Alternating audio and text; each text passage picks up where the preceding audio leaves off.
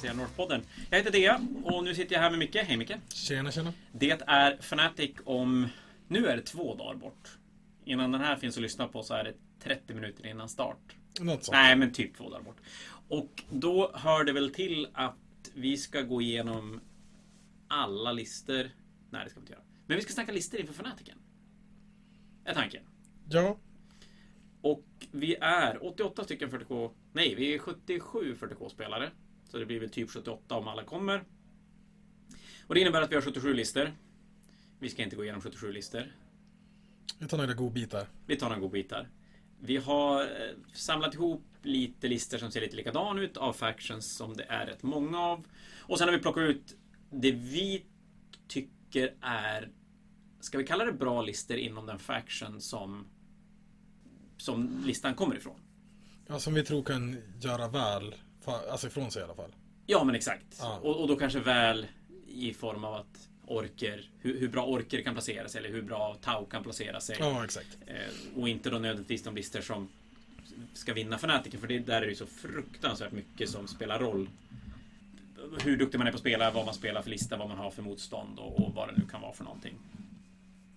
Och för er som inte ska vara med och spela så ska vi säga det redan nu att vi kommer att Twitch-streama en 40K-match från varje omgång. Så att det kommer, och då är det väl ja, Kanske inte alltid ledarbordet men någonstans där lite högre upp i alla fall. Så att det kommer finnas matcher att titta på med kommentatorer. Och vi kommer att podda efteråt också då vi helt enkelt får kolla hur duktiga vi var på att plocka ut rätt listor. Ja, tänker det. Men det är väl lika bra, det är väl inte så mycket att, att tjafsa om. Vi, vi har många listor att gå igenom så att vi kastar oss väl in på en gång. Tänker jag. Och då är det obscena mängder systrar. Ja, hur många listor var det vi hade? Blev det 8, 9, 10, 11 listor systrar. 11 Adepta Sororitas? Av 77. Det är, det är helt sjukt. Så en sjundedel. Och då är det ändå det, det sjuka. Alltså, det är ju jättefina modeller i Sororitas-listan. Så fullt förståeligt att det är många som plockar upp den. Och den är ju ganska bra också. Ja, och ja, den är väldigt bra. Men det som är kul med det ändå, det är ju för att GW har fått väldigt bra respons på sina modeller de har släppt. För att för några Mm. år sedan så hade vi tur, hade vi en systerlista. Ja, ja. På en Fnatic. Det är ju jättestor skillnad. Ja, Det som gör att jag är lite förvånad är väl det faktum att det är en ganska pricey armé. Och det är fruktansvärt mycket modeller att måla. Jo, men jag tänker att folk är väl ute efter att vinna lite grann också. Li- Lite så är det ju. Och systrarna är väl en sån armé som inte har riktigt lika mycket så här dåliga matchups. Som, det var som all around bra. ja. Verkligen. Och och det, det gör väl att många kan plocka upp dem. Och det kanske är så att det är en, det är en lättare armé att spela om, om du är lite mer ovan än att spela Drukari eller Admec som kanske är de två andra Jag tror att typ, jag tror att du kan, eh, du kan spela en systerlista bra även om du inte, eller alltså du kan ta det okej även om du inte är jätte, jätteduktig på att spela. Mm. Men det är jättekomplicerat om man ska vara svinduktig. Alltså det är sjukt högt i tak. Ja, Alltså skillmässigt på att spela systrar. Tror vi att det är en av de här tre, för det är väl så att det är tre factions som sticker ut lite grann just för tillfället. Och det är Drukari, Admec och systrar. Jag orkar det börjar bli lite så. Ja, lite lite, in, inte riktigt, inte riktigt. Men det är väl Drukari och Admec som folk har varit mest. Men visst känns det som att systrarna är kanske den lista som är lättast att kopiera internetlistor och ändå göra decent ifrån sig? Eller? Ja, kanske. Fast då, det, då kommer vi ändå tillbaka till den här 20-0 win-loss-grejen tror jag. Faktiskt. Den, och det kanske vi ska ta i ett annat poddavsnitt. 20-0 kontra win-loss. Jaha, det tar vi väl nästan alla på avsnitt. Ja, men, nu är nu. Är nu. Eh, Och vi kommer ju att spela, vi spelar ju 20-0 som sig bör på en Fnatic. Och det gör väl att vissa listor kanske får, får det jobbigare att gå bra än vad de skulle ha gjort i ett win-loss. Men det eh, om en annan gång. Eh, systrar säger vi, 11 stycken. Det vi har gjort är egentligen att vi har hittat fyra listor som vi, vi känner sk- ska kunna göra bra ifrån sig. Kanske. Ja, som får lite extra uppmärksamhet i podden. Precis, och då är det tre av dem är relativt lika varandra och så är det en som sticker ut som, som annorlunda av de fyra. Ja, ex- vi kan säga så här typ att vi har tre listor som eh, snuddar på likheten och det är ju i sådana fall Peter Sagebro, Magnus Forslund och Max Persson. Max Persson, exakt. Och det, de är olika på visst mycket också, men de har ju de här klassiska du, Retributors, du har Pensias, du Mm. har Dominion Squads med Stormbolters för att göra Mortal Wounds, du har Sephirim, så det är som all, unitsen är ganska lika i sig. Det skiljer lite grann i vad de har för detachments och vilka ordrar som de kör. Alla kör väl typ Bloody Rose på melee-grejer, men annars är det både Argent Shroud, Valorous Heart och Ebon Charlie som dyker upp. Och de har som Mm. olika fördelar mot varandra om man säger så. Och det kan man ju säga typ att Magnus Forslund han kör Valorous Heart så de blir lite mer tankiga. Alltså hans eh, systrar. Mm. Eh, tar bort ett AP och så sen får de väl Mortal i sa vi. Ja, men precis. Eh. Fem, de, de sänker AP med 1 på AP 1 och 2. Ja. Och så sen har de 5 plus Feel No Pain då mot, mot Mortal Wounds. Och så sen har du Argent Shroud som gör att du kan gå eller springa och räknas som stationary i skyttefasen så du får längre threat range på multimeltas och Mm. flamers och dylikt. Eh, och det är ju jättebra också. Eh, och så sen var det Max Persson som hade tre stycken detachments varav en var en eh, med Ebon Chalice också för att få wardle traitet där så du får bättre miracle dice och eh, Ja, tillbaka command points. Ja, men exakt. Mm.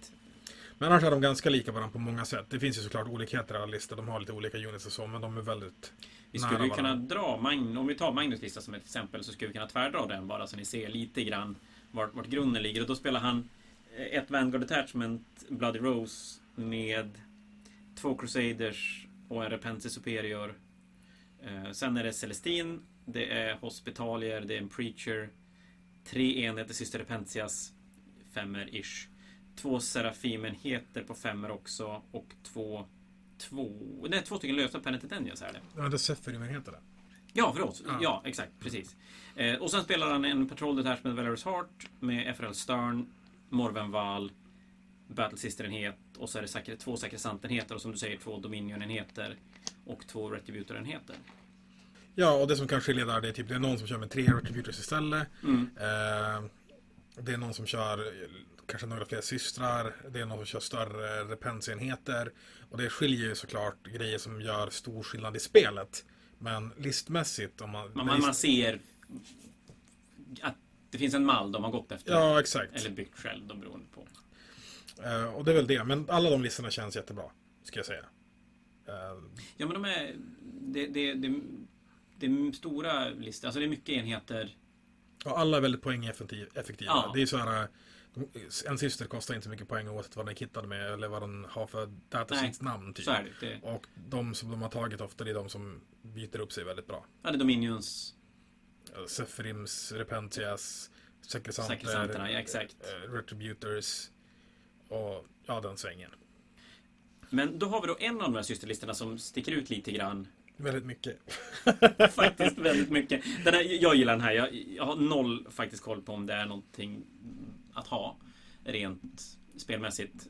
Men den, jag, jag tycker den är så jävla cool. Eh, Johnny Kankosis lista. Han spelar eh, en Spearhead i Order of Valorous Heart med en missionär, två Crusader-enheter. Och det är alltså snubbarna med sköld och, sköld och svärd. Så 22 poäng för, för två stycken. Eh, sen är det två femmer Serafimer. Sen kommer det. Det är tre enheter, fyra Mortifiers. Och tre enheter med fyra Penitent Engines. Så är det nu. Tre enheter med fyra av varje. Ja, exakt. Ja, exakt. Så, och det är ju, och sen är det ju... Det är, Ja, sen kommer det med. Åh gud, det kommer Ja. mer. Han, han spelar sen en Patrol, också Valorous Heart, med en Kanoness, en Battle Sister-enhet på fem och en till Serafim-enhet och slutligen en, en Exorcist. Så det är tre eh, femmer Serafimer, en Exorcist, en Battle Sister-enhet och sen är det 24 stycken Penitent Engine-chassin ja. i listan. Men då har han ju, han har väl ganska, jag tror att de har ganska bra egna sekundära som du kan välja mellan att köra. Och så sen har han ju möjlighet till eh, ROD, eh, Retrieve och Terrorist med de här eh, små enheterna med Mm. alla möjliga grejer. Och Jag får ta två Crusader-enheter för 22 poäng styck. Kan han ju göra vad fan som helst med, spelar ingen roll. En femma Battle Sisters är ju skitsamma. Serafimer kan ju droppa ner och köra sin grej också. Ja. Eller flyga fram. Eh, så att jag tror att han har väldigt bra Men- möjligheter med, med alltså secondaries också. Och det som är grejen med listan egentligen, det tycker jag, det är ju att de här eh, fordonen där, eller vad man ska säga, Mortifiers och sånt. Mm. Eh, och speciellt Penitent Engines. De både skjuter relativt bra och de slår relativt hårt. Men framförallt så är det fem wounds för 55 poäng med en femma Feel No Pain och save. Mm. Som dessutom ignorerar lite mer AP och har sådana där grejer för sig. Så att de är de byter Mm. väl och de är köttiga liksom. Ja, men de är rätt tankiga är de. Ja. Och, och, och hur är det med sekundära? Ger de bort poäng? Eller hur funkar det där nu? Det får, där får vi kolla upp eftersom allting kan vi inte. Men, eh, nej men sagt, den, den här känns, den känns spännande och, och ändå ganska rätt fram i, i hur den spelar, gissar jag i alla fall. Det är Inte supermycket tricks. Alltså, systrar är alltid supermycket tricks. det är så jag känner. Ja, de är i vehicles i alla fall. Eh, Så att du får ju ett poäng per. Han ger bort ganska tydligt sekundärt i alla fall. Ja, gör han. Men eh, det, det å andra sidan gör ju många arméer utom Marine. Men det var systrarna. Eh, Med 11 stycken systerspelare på 77 s- totalt 77 spelare så kan man väl förvänta sig att det kommer vara en eller två systrar i topp 10. ja absolut. Tänker jag. absolut. jag tror. Eh, Nästa klump, och den är inte så himla oväntad heller, det är Drukari. Det finns en hel bunt Drukari-spelare också. Jag tror där också är vi en 8-10 stycken. Eh, Om du räknar eh, någon tokis som tog en soppa så är vi nio. 9, så 8,5 då. 8,5. Det, det, Mm. blir, det blir fantastiskt. Och då tänker vi också att Drukari är ju en lista som går som tåget internationellt. Och um, finns väl egentligen ingen anledning att tro att den inte kommer göra det här också. Att det är någon Drukari-lista som kommer att placera sig väldigt, väldigt högt upp. Nej, man tänker det. Alltså sen, eh, jag tänker att det, det sitter såklart i spelaren också. Ja, Men eh, ja, och så, däremot så det, måste säga att det var lite jag vet inte ifall det är nya stilen som folk kör, men det var lite annorlunda listor den här gången än vad man har sett mycket i andra turneringar. Ja, men jag tycker vi pratade lite om det. Att, att det är inte riktigt samma typ av Drukari-listor som har snurrat runt ganska mycket. Och de som snuddar på att vara det spelar ändå lite andra kultvarianter än vad som har som varit standard. Ja, standarden länge har ju varit att du kör tre stycken patrol detachments. Mm. Eh, och du brukar köra en cavalite i alla fall oftast. Och så sen kör du Cult of Strife. Mm. Eh, Ja, med alla godsaker ur, ur eh, book den boken. Rust. Book of Rust, Book of Fire, Sharadon-boken. Warzone Super Drukari. Eh, men här så är det inte riktigt så. Utan de som vi har kollat in lite grann, det är ju två listor som kör Real Space Raiders. Mm. Och det var ju en sån där grej som var jättepopulärt att prata om när de kom. Jag tänkte säga, visst var det så att det pratades mycket om när boken var alldeles ny, men det blev aldrig riktigt spelat Nej. så. Eh, Nej, och det var ju egentligen mestadels för att Cult of Strife var så sjukt bra och Ja. du var tvungen att köra dem i ett specifikt attachment för att ta del av deras abilities typ. Eh, och nu har vi ändå två stycken ganska intressanta listor som då är rätt så lika varann i och för sig, men eh, som kör den principen. Och då de listor vi har plockat ut och kikat lite närmare på, det är då Henrik Avells Drukari-lista och eh, Summer Schlander. Exakt, och då kan vi säga så här, båda kör Real Space Raiders. Och jag för mig att de körde samma eh, kulter och dylikt. Så det var, vi tar Kantasami kör eh, Cult of the Cursed Blade.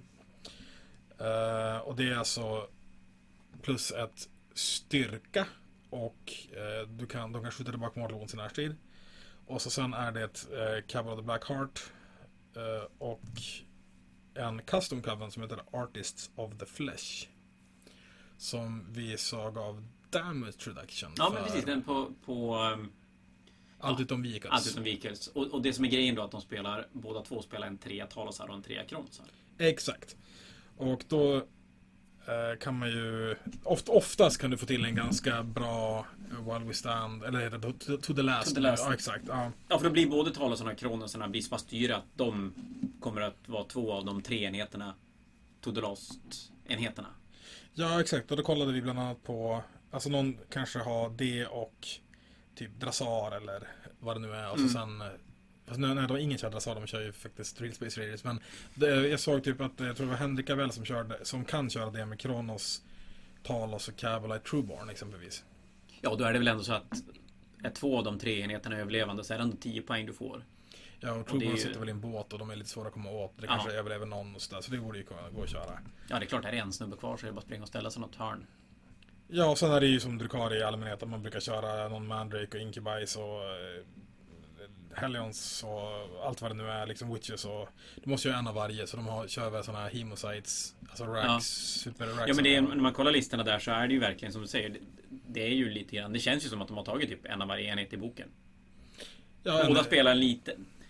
En, Henrik spelar en större Court of Darkon än vad Sami gör, men båda har med Court of Darkon också Ja, i den. Men, men det jag tycker är kul det är just Talos Kronos, för det var väl lite prat i början av Drukari-boken att det skulle kunna vara en grej. Men sen tycker jag inte att de har sett så mycket spel. I slutet nu så har Kronos kommit tillbaka. För grejen Mm. var ju, typ i början så hade du ju Dark Technomancers som alla körde. Ja, just det. Du hade så uppenbara val. Ja, exakt. I, Och eh, nu, ingen av de här kör det. Men jag har sett att det är väldigt många som kör Kronosar nu, Dark Technomancers istället. För att det är bara Liquifier Guns som, in, som har blivit nerfade med Mm. den regeln. Så Mm. nu, och det, det, de, de har ju Flamers, Kronos. Men de har inte Liquifier Flamers. nej, De okej. har sina de- egna. Ja, så de har inte rört... Oj, det där blir spännande att se om GW kommer låta det vara kvar då eller om de kommer vara... Och... Ja, det är ju bara en enhet nu i alla fall. Den enheten kostar ju lite poäng och sådär. Så att det är ju inte omöjligt. Nej, det är ju inte, det är ju inte lika illa som Raxen. Nej, exakt. Så är det ju. Men eh, de två listorna känns... Ja, men de känns spännande. Men däremot så är, de väl nog ganska svårspelade. Ja, jag. mm, jo men lite. Fast samtidigt så är det ju lite grann så här. Du vet, Drukari har ju ändå fördelen att göra det de... Alltså på... Om du möter folk som eh, inte vet hur man ska hantera det så kan du ju ändå bara charge in med allting och Ja. köra en sån. Bara slå bra tärning och sen, sen, sen är man hemma. Och sen hade vi ju Luddes lista då. Ja, precis. Lud Ludvig Advin. Eh, och han är lokal Umeå-spelare och spelar just nu jätte- jättemycket. Ja, Ja. Han drillar stenhårt för, för att göra så bra ifrån sig som möjligt. Så vi har sjukt höga förväntningar.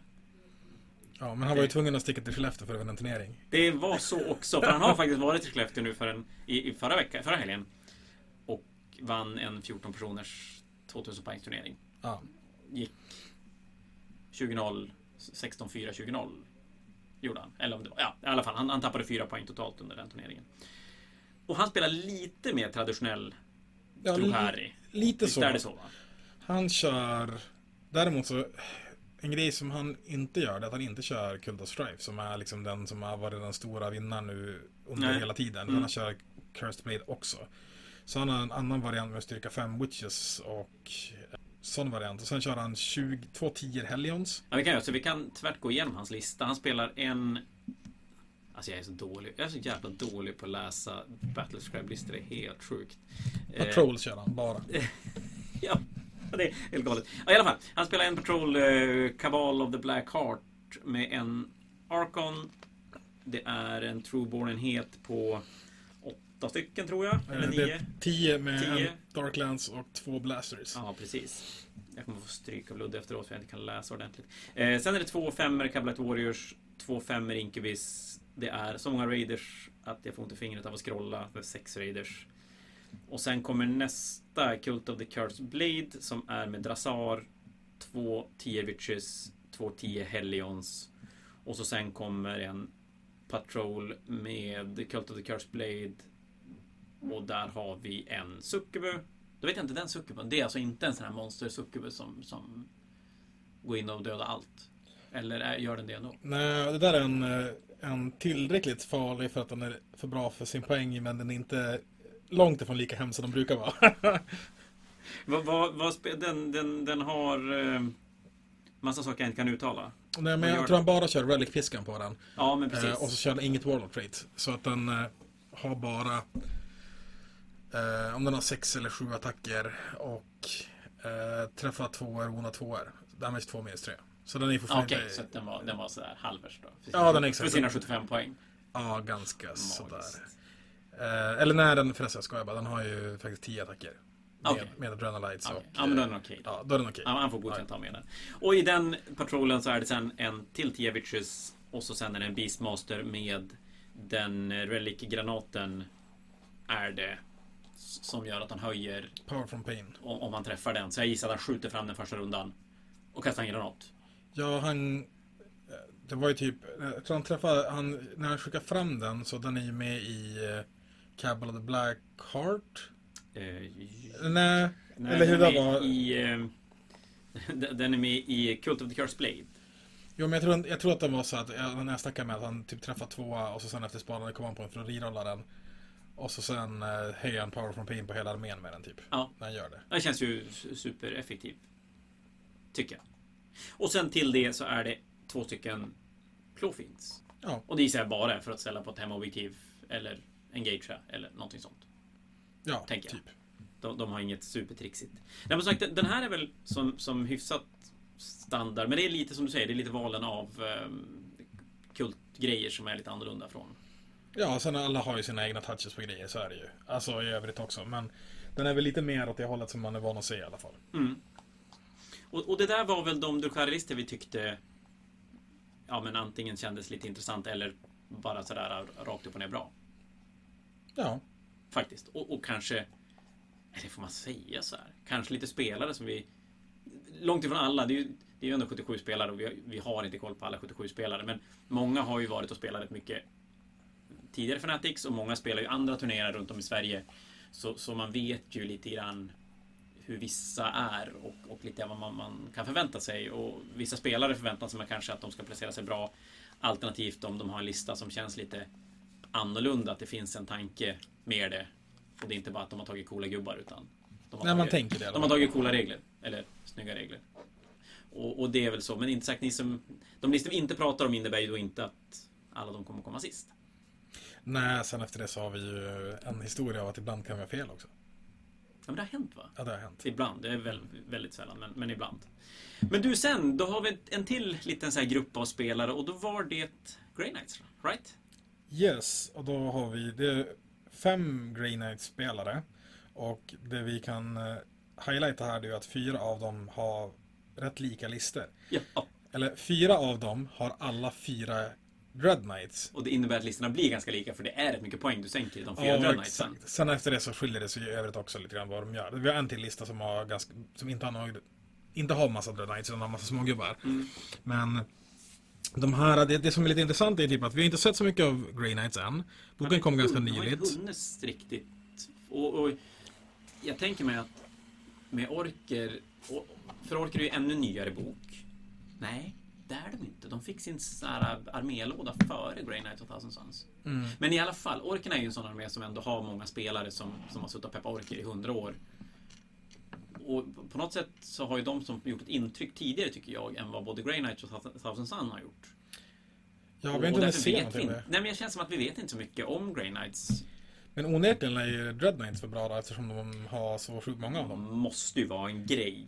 Men det är lite kul, eftersom vi inte har sett så mycket turneringar av Grey Knights så har väl folk inte sett samma lista hundra gånger och nätlistat dem på det viset. Nej, Eh, Så att alla de här fyra Dread Knight-spelarna kör olika Brotherhoods, det vill säga inriktningar på Grey Knights. ja vi kollade det. Då, då är det så att du har en som är rätt närstridsfokuserad.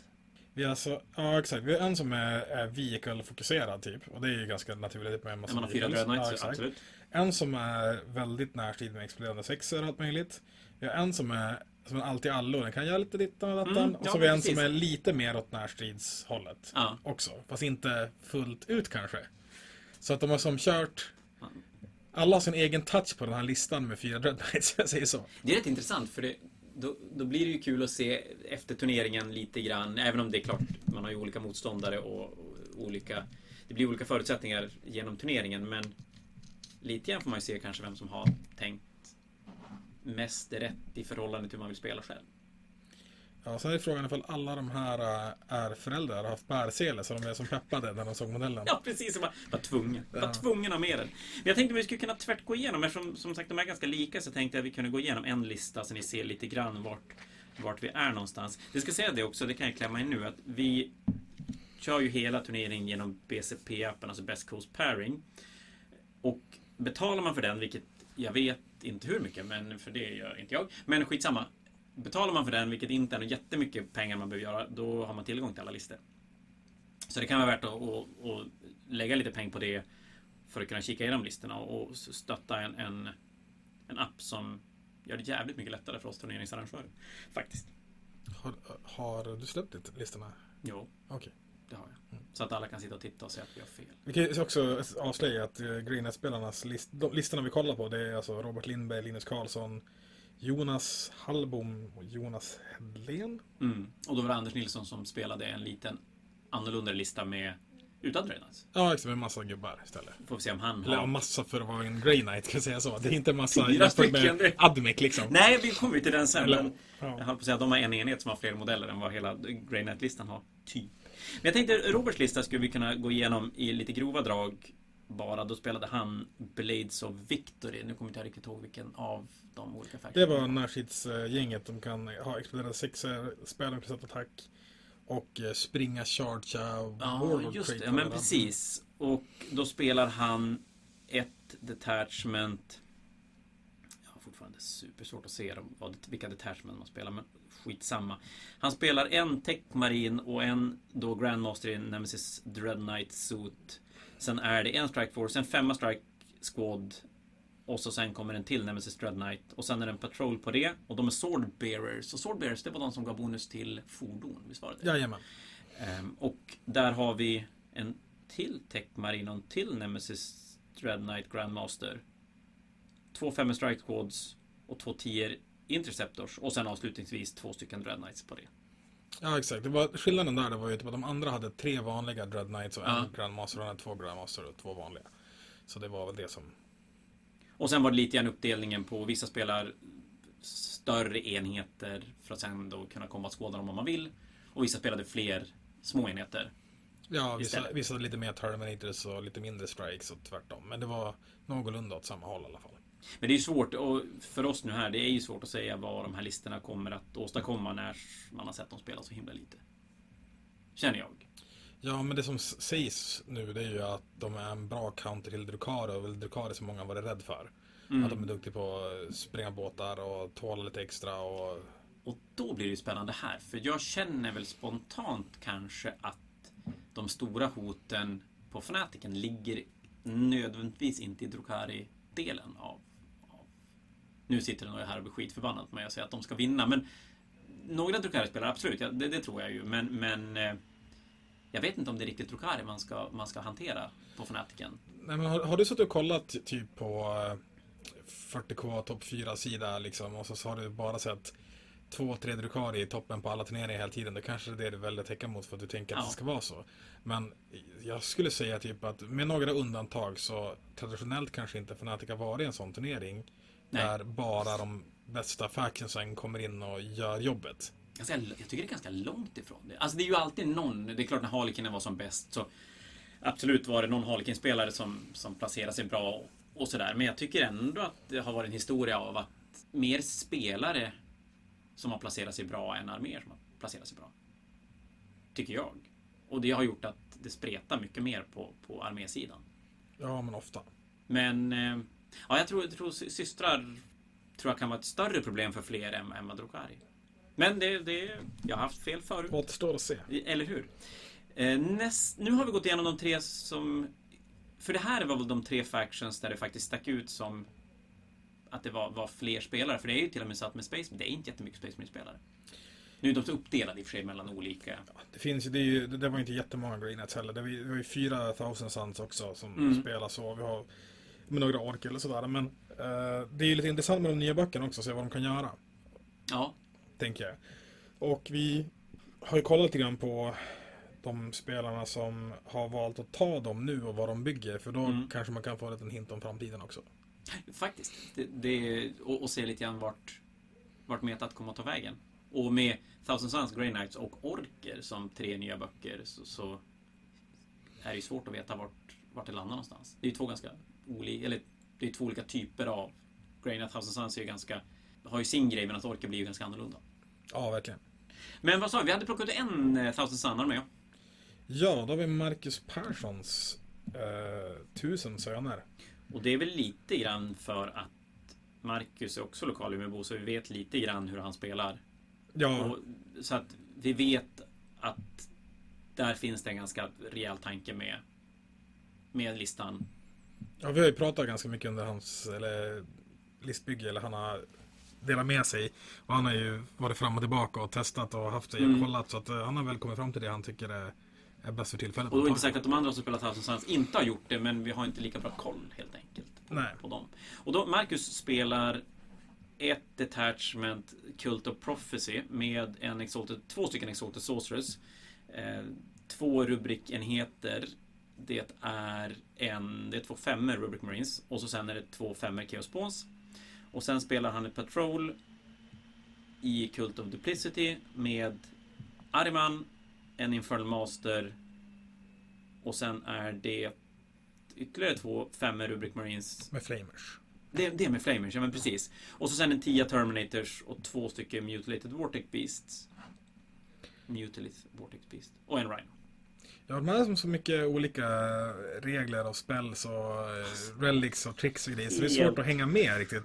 Men eh, Prophecy är väl egentligen den som ska vara till för att du blir lite mer reliable. Alltså du kan få lite mer rerolls, du kan få någon sån här fuskig miracle die och sådana där grejer. Och eh, han har en busig mage som är svår att chargea och eh, kan... Just det, fick gå en gång. När han blir chargead, när han blir targetad av en charge. Då får han göra, han får- om man vill göra en overwatch och sen får han röra sig 6 tum som en normal move. Och så sen eh, tror jag att han kan konsolidera 6 tum och vart han vill den har slagits och lite sånt där också. Att han har lite olika Mm. sådana busiga grejer för sig. Eh, och så sen eh, har han Duplicity då som är teleportgänget. Alltså de har Ja, både Det är lite grann som gamla Thousand Suns. Att man ska hoppa fram med en enhet och så ska man skjuta hårt så in i helvete och döda någonting. Han kan göra det med två enheter då. Ja. Alltså han har ju både kristallen, eh, som gamla hette Dark Matter Crystal, nu heter den Umba Lumba Crystal. Ja, någonting sånt. Eh, och sen har han ju spellen. Och så sen dessutom, han kan ju springa fram med Terminators och Och så har han ett också. pre-battle eh, Redeploy. redeploy. Ja. han också. Så det är väl det som är, eller det, de har det, jag såg inte vad han hade det men. Jo, det, det är väl... eh, Jag tänker mig att den delen är väl den som är lik, mest lik gamla boken. Ja, exakt. Men det känns som att boken kanske kan göra mer saker nu än tidigare. Det är ju mycket, det är mycket Wounds att göra arg skada Ja, på folk. Arman kan göra mycket. Ja, På så- riktigt mycket Mortal Wounds. Vad var det vi... Var det 40? Nej men det var, vi räknade på en Exalted Sorcerer, tror jag, ifall han skulle rolla bara sexer eller ett, en sån variant skulle kunna ha 88 Mortal Wounds eller någonting med en kille. Nu är det det sinnessjukt orimligt. Men, Men att det finns där. Alltså att någonstans finns den potentialen, det är ju rätt galet. så ta med dig dina fusktärningar Mac. Ja, precis. Och bara kör. Men som, precis som Grey Knightsen, det, det är lite svårt, även om jag, det är kanske lite lättare med Thousand Suns eftersom de känns mer lik gamla boken. Det kanske Grey Knights är i och för sig också. Det har jag De, båda gör som sin grej. De, Ja, Thousand Suns är väl alltså, mer, mer skytte och mycket mer magi. Och Green Knights de gör ju allt egentligen. De skjuter, de slåss och de kastar spells. mm, ja, det blir spännande att se. Ny, framförallt tycker jag det är kul med nya böcker och se vart de, vart de landar någonstans.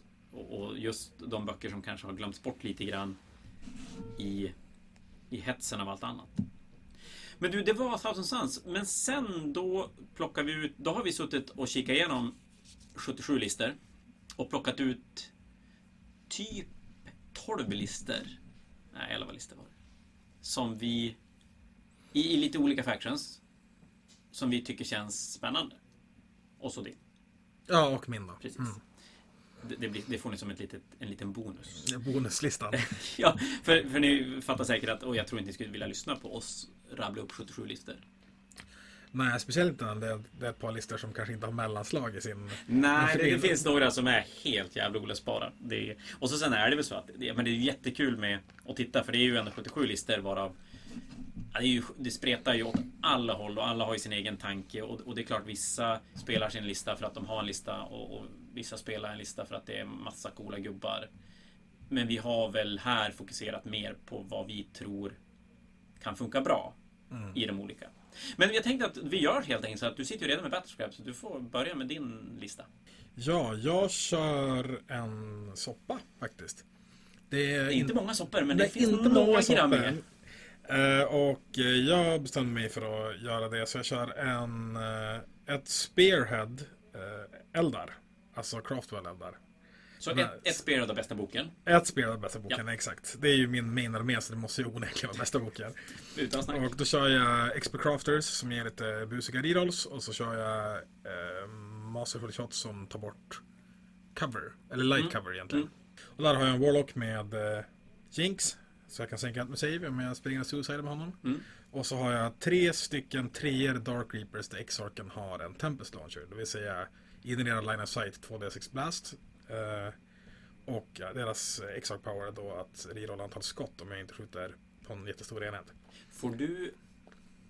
Vad är det som gör att de får promenera efter de har skjutit? För visst får de göra det? Nej, alltså det, det, det kommer ta ett command point och göra det med en enhet. Så en enhet kan ja, exakt. gå? Okay, Det var ju en grej förut att du körde en, en jättestor enhet och sen så sköt du och hoppade in bakom cover. Ja, men igen, precis. Typ. Ja. Mm. Eh, så jag, när jag kör eh, Line of Sight-passarna istället. Mm. Och så har jag två Night Spinners med eh, Spirit Stones också. Så jag har två D6 gånger 5 Tänka mot Drukari? Eh. Nej men det, det, det, alltså, det kan ju vara bra mot Admec som kör 20 och grejer. Ja, jo, Inte så dumt med lite minus 2. Ja. Eh, Det är bra mot Ricard, men så är det så här typ, det är en grej som man ofta tycker är, kan vara lite jobbigt som jag tyck, tyckte i alla fall, det är ju att den här femman som står bakom en ruin och håller ett objektiv längst bak i motståndarnas zon. ja, men den, den engagear och den gör massa skit. Och det är jätteskönt att kunna döda den. Ja, exakt. Och det handlar ju egentligen i 20-systemet om att denia poäng för motståndaren. Mm. Alltså mångt och mycket. Och då tycker jag att det här kanske är det sättet som jag väljer att göra det på. Mm. Och när jag kör en sån här lista med Drukar, vi kan ju gå till den biten också i och för sig. Ja. Ehm, kör jag lite grann på att motståndaren kommer till mig istället och då är det bra med att ha såna vapen. Egentligen. Jag är inte lika snabb som andra Drukara-spelare. Jag kan inte springa och charge och sådär. Vad, vad tänkte Nej, för du tappar det när du soppar. Jag- Jag tappar power from pain. Ja. Jag tänkte säga med den, den eldardelen då, då blir det så att du tar bort Du tog bort cover Ja. med den. Och det är klart det blir ju bra med indirekt skytte för, för det mesta som du kommer skjuta på står väl förmodligen i en ruin och får något cover till exempel. Ja, alternativt står bakom cover, men oavsett så har du ju den delen då. Jag märkte det. Min första variation av listan jag körde förut, eh, så körde jag med mer fordon och grejer. Då körde jag att du får cover istället. Ja. Men jag märkte att du vill ta bort det där extra savet. För att typ, då var Marines sjukt poppis. Och Marines med 2 plus är sjukt mycket drygare att döda än Marines med 3 plus. Ja, och, och du vill ju verkligen döda den enhet du skjuter på. Vill du ju verkligen döda för, för som du säger, om du skjuter på en femma som står och, och engagear eller någonting. Så spelar det ju ingen roll för dem om du lämnar en kvar. Då är det ju, skit, det är ju skitsamma då. igen. Nej, eller de håller på med vad som helst. Bara hålla ett, ett objektiv och jag får hold more. Då tar jag både att jag får 5 Ja. poäng mer och han får 5 poäng mindre. Ja, det är ju jättestor skillnad. Och, och då som sagt, det spelar ju ingen roll om... Om du dödar fyra eller noll i en femma är ju skitsamma. Du ska Ja. ju döda allihopa. Så det är väl det. Men jag kör också en uh, Battalion uh, Drukari med Cabal of the Obsidian Rose. Som då de andra inte körde. Eh, och Vad gör den? den gör att du får en reroll to wound. Och du har 6 inch längre range med skytte. Okej. Så att mina blasters når 24 istället för 18 och Ja. jag rerollar en wound på varje enhet. Och så sen har den ett stratagem som är så här, lite intressant men inte jättebra. eh, jag kör en Arcon i alla fall. Eh, med massa upgrades. Eh, Drazar och en Succubus. Sen kör jag en 10 Trueborns med all the stuff. Jag kör tre stycken femmor Cabalite Warriors, tre stycken femmor Incubi, en femma Mandrakes, en femma Scourges som är inte något specialvapen på. Bara Splinter, Splinter Rifles. Ja, de heter Shard Carbines men eh, det, är, de. det är deras typ av Salt Picka, Ja. Poison. Och så kör jag fyra Raiders. Så ganska... Ska får jag säga, enhetsmässigt i Drukari-delen är det ganska sådär standard grejer.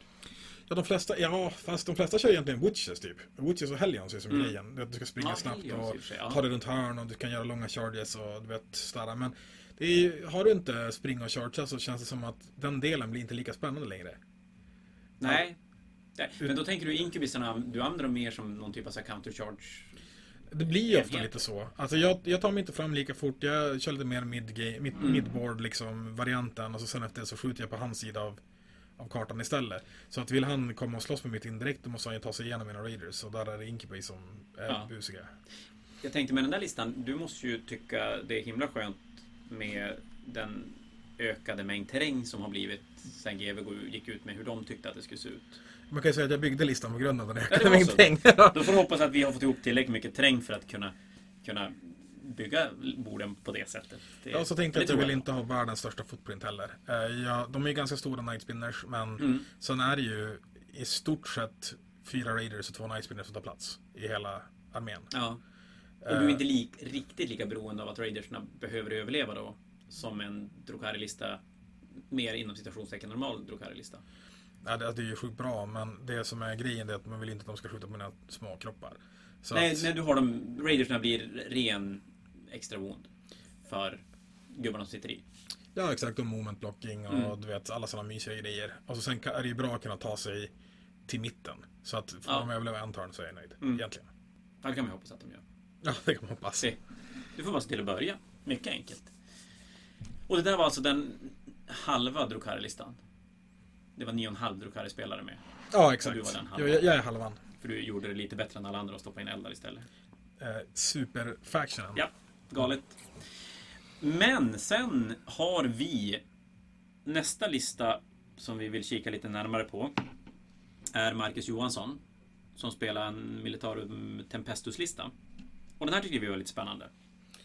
Ja, den känns riktigt cool. Alltså jag tror att den, den, kan- jag tror att den är riktigt bra också. Det känns som att de här... eh, vi kan ju gå igenom listan först, eller ska vi göra det? Det, det kanske är roligare för folk Ja, De vet vad vi vill bara pratar om. prata om den först. Eh, Alltså, då spelar, det är också en, det är också en sopp, sopplista det här och det är väl för att den spelar med gamla böcker så det är ju inte så mycket snack om saken. Och då är det ett Astra Militarum Battalion Detachment. Subfaction 133 Lambda Lions. Ja, den ger, eh, han får ett extra AP på alla sina vapen. Jag blev sjukt Sen tror jag att han får en sexa invulsi också. Det var exakt det jag tänkte säga. Eh, sen, sen är det, utan att gå in i superdetalj på olika equipments, men det är tre stycken Tempestor Primes, varav en är Warlord. Sen är det en, två, tre, fyra, fem stycken Militarum Tempestor Science-enheter. Där alla är fem stora med två stycken plasmagans. Det är, det är Troop och så sen på elitsidan så är det tre stycken Militarum Tempestus eh, Command Squads. Varav två stycken av fyra Meltagans och en av fyra Flamers. Sen är det sex stycken Taurox Primes med Gatling Cannons. Och sen är det ett Super Heavy Detachment House Raven med två Warglaves. Nej, oh, förlåt. En tvåa Warglaves och två Single Warglaves. Bilarna tycker jag har blivit bra. Alltså de förut i åttonde, då när de brummar runt så träffar de i fyra. Nu träffar de i treor oavsett, så det är nice. Mm. De skjuter sjukt mycket skott så de är bra mot hordes. Och det ju blivit en grej nu med att ha mycket små modeller som har Toughness 3. Så det är ju ganska coolt. Ja, det har ju blivit... Oj, vilken skillnad den här listan är nu. Mot hur den var innan Drukari Admec fanns. När det var Space Marines man skulle boxa på. Ja, sen, de är bra mot orker, kan skjuta på Ja, allt möjligt liksom. också, har ju också dykt upp som med så här mycket små kommandoenheter och skit som... Ja, och sen har de massa vikar som du kan bona på femmer och inte, Mm. de är inte jättehög toughness sådär. Och sen eh, är det ju intressant för du kan ju välja att antingen ha jättemycket grejer i Deep Strike om du vill. Och så Mm. sen brummar runt med bilarna och droppa ner och skjuta på där du vill skjuta. Eller så kan du ha gubbar i bilar och så sen så brummar du fram och så måste de skjuta sönder bilen och sen har de ändå gubbar på knappen. Eh, Så du har ju som en del val med vad du vill göra med det där egentligen. Och alla bilar får väl också minus ett extra AP, det är inte så dumt. De har jätte, jättemycket skott. Alltså typ Den här listan skjuter ju jättemycket. de har 24 skott per bil tror jag. Ja. Något sånt där, om inte mer. Så att det, det är ju en jättearg lista. Alltså det, jag tycker den verkar, jag tror den kan vara riktigt, riktigt bra. Och sen din countercharge är väl dina, eh, om du hade Warglaze va? Ja, det är Warglaves här. det. Ja, Mm. för det, det vill du ju gärna ha och, när du enskyttar med tänker jag. Ja, för när motståndaren börjar komma in och börja peta lite här och där så är det ganska skönt att kunna braka in och faktiskt slå ihjäl saker. Ja, Så är det ju. Och sen har du de här två Meltagan-enheterna som... Ja, men som du säger, man har, det är så svårt att veta som motståndare vad, vart saker och ting kommer att vara. Ja du kan ju lika gärna Typ, ja men eh, du möter en viss lista som är fordon som gömmer sig bakom saker. Då kommer de ner från Deep Strike. Eller Mm. möter du en lista som de springer emot dig, då kan du ha dem i bilen. Och så sen tvingar de att slå sönder bilen först och sen kommer det ut killar med Ja. Obsec eller vad det nu är. Så att, den är, man har ju mycket eh, liksom, taktiska val att göra. Och han har och de är ganska, det jag gillar med primesen där också, det är att du får bara ett poäng styck för dem, för de har 10 ons. Ja, så, ja just det. Ja, men jag tänkte fråga dig hur många ons de har. För, för det gör ju att... Visst, får det är två för knightsen. Ja, så det är fortfarande det sekundära man kommer välja mot dem. Men, men det, det, det hjälper inte lika mycket att bara döda alla prime, alla Tauraxar och så är man färdig. Utan, Ja, det är ganska mycket wounds att kötta sig igenom också. Ändå. ja, och när det bara var ett poäng styck då är det inte så himla farligt. Jag menar, alla arméer kan ju inte vara Space Marines. Alltså som inte ger bort någon sekundär, Mm. tänker jag. Det ska ju även sägas att en anledning varför vi fastnar vid- lite grann med den här listan det är därför att Bebbe som jobbar på Fantasia har ju peppat den här typen av lista hur länge som helst. Ja, det var typ innan vi kollade på de här listorna så visade han en lista som han var sugen på att bygga. Den var sjukt lik den här listan. Ja, kan säga han blev alldeles blöt i byxorna när han såg det här. Så att jag tror att han, han kommer typ inte att spela sina egna matcher utan han kommer att stå och titta på här och se hur, det, hur den går. Men den känns intressant. Den, den kanske inte riktigt har samma edge som systrar och Drukari har. Alltså den är inte lika trixig är den ju inte. Men jag tror det gör sig bra mot just dem också. Och det är ju, det är ju bra. Ja. och, och vara bra mot det. Så den här, men, men den här ser jag väldigt mycket fram emot att följa och, och se hur den kan, hur den kan göra. Och så får vi se. Jag vet inte hur Marcus är som spelare heller och det blir spännande att se. Och sen kommer vi väl till nästa då som vi har valt att plocka ut och den på tal om Bebbe så är det då Bebbes lista. Så vi tar den för de är lite... Nej, de är inte lika varandra. Han, han har två enheter science, eller? Ja, det är väl att de är lika för att det är lite samma faction-grejer som är med. För det är också en sopplista med Astra Militarum och Knights. Och då spelar Bebbe först ett detachment med en Company Commander och en Tempestor Prime. Sen är det tre 10 Infantry Squads, alltså vanliga Guardsmen. Och så är det två stycken Tempestor Scions med bara vanliga vapen. Och sen är det en Manticora med full payload och en Wyvern. Och sen kommer hans Super Heavy Detachment. Och där spelar han tre Helverines, tre Warglaves och en Night Crusader. Och då spelar han dem i huset som ett, ett custom-hus som gav dem ett mer i move. Ja, och ignorera det när han tagit skada. Alltså Ja, men just det. de Och gå gick alltid max move oavsett hur mycket Och stryk rerolla en hit per enhet var det. Precis. Och så sen har hans eh, Night Crusader har 4 plus Invo Save. Och räkna som skytte. 10 modeller Obsec. Som parkerar på Dogtiv och där är han helt enkelt. Ja. Och här... Bebbe har ju studsat mellan att välja mellan Imperial Fist eller det här. Jag tror att det där är nog bättre. Det, metat som metat ser ut nu så känns ju det här mer intressant. Tycker jag. Ja, alltså han kan ju göra dem. Alltså nu, det känns typ som att när folk bygger listor, och vi snackade om det nyss, men att det ofta har varit det här vad, vad, vad gör Drukari? Hur kan jag deala med det Ja. hotet typ? Och då är det väl tanken att du ska kunna spränga båtarna och, och slå sönder eller skjuta det som är där inne. och Det gör han ju bra. Mm. Och du, han är ju sjukt snabb. Alltså även du vet en eh, enhet med eh, Guards kan ju springa 23 tum typ på en tur. Ja, de är ju blixtsnabba. Knightsen är ju fruktansvärt snabba. Ja, så att... Eh, men däremot så... Och sen är de ju bra om Space Marines också, med du vet, payload, Manticore, hela Ja, biten. jo. Men däremot så är det ju som frågan vad... Om de är lika bra mot saker annat liksom. Nej men nu har jag här, jag har en tes med det här med hans lista. Nu står jag och viftar med telefonen för jag har listan på telefonen. Nej men jag tänker så här att om, om, valen mellan Imperial Fist och det här. Imperial Fist-listan känns ju väldigt, väldigt stabil.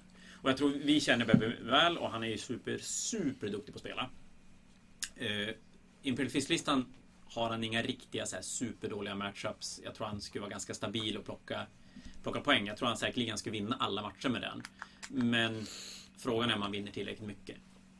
Den här listan känns ju som att den skulle kunna funka väldigt, väldigt bra om han får krocka med de inom situationstecken nya typerna av turneringslistor. Alltså Drukari, Admec. Admec vet jag inte. Nej, Admec kan ju i och för sig vara lite lurig, men Drukari definitivt. Problemet här, det kan jag känna att om han får möta lite av den, den gamla typen av listor som var gjord för att hantera Space Marines. Eller Space Marine-listorna som spelar med här trippla Eradicators och grejer. Eller om man får krocka med en Tau-spelare på vägen. Att det kan bli lite jobbigare. Det, det återstår att se. Ja, nej, så är det ju. Det är ju jättesvårt att säga och, och där blir det ju då intressant att se vilka matchups han får. Men det, det känns som att han har verktyg för att kunna hantera ganska mycket olika saker. Framförallt de nya sakerna som, som kommer och kan vara bra. Absolut. Så ja, det här blir spännande. Näst på listan var vi då? Göran Farm. Har vi valt att kika lite närmare på. Göran är en sån här gammal, gammal, gammal räv i figurspelssammanhang. Han var en fruktansvärt bra gammal fantasy-spelare. Alltså helt löjligt. Jag kommer aldrig att glömma att vi, vi... Det var ett år vi spelade... Vi var iväg och spelade Grand Tournament i Stockholm när GW arrangerade det. Och då, samma år arrangerade de Grand Tournament i Oslo också, i gamla fantasy. Och då, vi var iväg och spelade båda dem. Och så var det lite andra turneringar på den, det året. Och jag tror att han hade en snittplacering på 1,2 på, på det året. Och det var typ så åtta turneringar han spelade. Någonting. Det är helt okej. Det är faktiskt helt okej. Det, det var helt, helt sjukt. Eh, sen, sen föll han bort ur tur- turneringsscenen lite grann. Och jag vet inte riktigt om han är tillbaka och, och ska vinna turneringar. Det, det får vi väl se. Men, men listan kändes ändå... Och då är det en Deathwatch-lista han spelar. Och det är väl en av de Space Marine-arméer som vi, vi kände att... Som, som stack ut lite grann. Ja, de har ju ändå fått ett par placeringar. Inte just samma typ av lista, men Men det känns som att de har ganska mycket verktyg, speciellt mot sina avstånden. Och det är väl ett bra, en bra tid då nu att spela Deathwatch, Ja, tills, jag. tills de möter Admec då. Ja, såklart. ja tills man vet det. men, men hans lista består av först en detachment med en librarian. Och då är det inte en primaris librarian. Med en librarian med, med jump pack. Och sen en primaris kapten och en primaris tech marine. Och sen kommer de här äh, kill team enheterna. Då är det en Indomitor kill team med fyra eradicators och fem heavy intercessors och en inceptor. Vi kommer tillbaka till tanken med det där. Sen har vi en Proteus kill team där det är fem stycken Deathwatch veterans och fem stycken Vanguard veterans med Lightning Club Storm Shield. Sen en Spectrus kill team. Helvete vad jag inte har koll på de här namnen. Ja. Med fyra Eliminators, en Incursor och fyra stycken Infiltrators. Sen är det Primaris Apotekare som är uppgraderad till Chief Apothecary. Det är dubbla Redemptors. Det är rätt vanligt i Space Marine armé. Det är ganska vanligt. Ganska vanligt. Minst två. Minst två. Eh, en Corvus Blackstar. Och sen slutligen, och den här förstår vi inte. Så, så den här får vi, ska vi intervjua Göran under turneringen och, och se om han har någonting vi har missat. Men han spelar en, en eh, Vanguard Detachment med en Inquisitor, Ordosenos och tre tvåor akoliter. Ja, Den förstår vi inte. Det måste vi ärligt säga. Det måste ju vara typ att göra actions och sådana där grejer, men Men är det värt tre command points? det är ju antingen tre command points eller 300 poäng Space Marines, I guess. Ja, i och för sig. något sånt, Ja, men det men- kanske är det. Och- Det är klart, ställa 20 poäng, två akoliter på ett hemmaobjektiv. Då är du jävligt glad att du har dina Night Spinners. ja, de är ju... Ja, Det var ju och, och. Dark Reapers liksom. Och Dark Reapers också faktiskt. Och Men- jävlar, ja. Ja, det där är svårt, men jag tänker typ att som jag var ju sugen på att börja med Deathwatch. Jag köpte boken och satt och Mm. läste igenom. Jag tyckte de hade ganska bra eh, command eh, point spending ändå. Alltså du har ju som... Men eh, de... Du kan ju typ byta chapter tactics på grejer. Du kan fallback en shoot and charge och Ja. busa och du har ja, alla vanliga Space Marine strategier och sånt. Så att det, jag tycker att de ändå ska vara lite hungriga på, på command points. Så det är därför Mm. jag tyckte det var lite konstigt. Men eh, han har säkert en jättebra idé med det. Så Eh, vi återkommer till den tycker jag. Jag tänker det. är det. Jättespännande. Men i övrigt så är listan... Ja, men det, det känns som att den, den har sina grejer. Du- Den, mycket Ja. tricks och mycket combat squadding på G där tror jag. Ja, en splitt. Han en, en fyra Eradicator som en Inceptor på ena sidan och, och då kan han bryta lös fem heavy intercessors som, som står där. Han har sina... En femma Vanguard Veterans vet vi att de gör ju ont. Och sen lär han ju splitta den och köra en femma och de andra som hade massa inferno pistols och grejer. Kanske Då var den vi i... inne på att stoppa dem i flyg då kanske. Ja, jag tänker det. Ja. Eh, Och Redemptorsna, de gör ju det Redemptors gör. Men man känner i alla fall att han har en väldigt klar idé med vad han vill göra med listan i alla fall. Och där, där ju, pratar man så här, då, då tänker jag mig att de här akolyterna fyller ju faktiskt en funktion. Ja, det, ja, det, onekligen måste de ju det. Ja, men för då slipper han lämna en, en femma Heavy Intercessors på ett hemmaobjektiv. Vilket i och för sig kan ju vara en bra grej att göra, men, men det är ändå ganska mycket poäng som kanske hamnar bakom ett jävla terrängbit någonstans och, och kan som inte göra någonting vettigt. Och då är det ju jävligt nice att kunna lämna 20 poäng på den istället. Sen kanske han lyssnar, på den här podden och tänker de är så sämst på det här. Jag har världens precis. bästa plan. Eller så, eller så är det så här, jaha, det hade jag missat. Och så inser han att det var skräp. Nej, jag tror att det måste, ja, jag tror att Göran tänker sig att det där är, är det är tre väl spenderade command points för att ganska säkert kunna spela då kan han spela Engage, han kan spela Retrieve Data.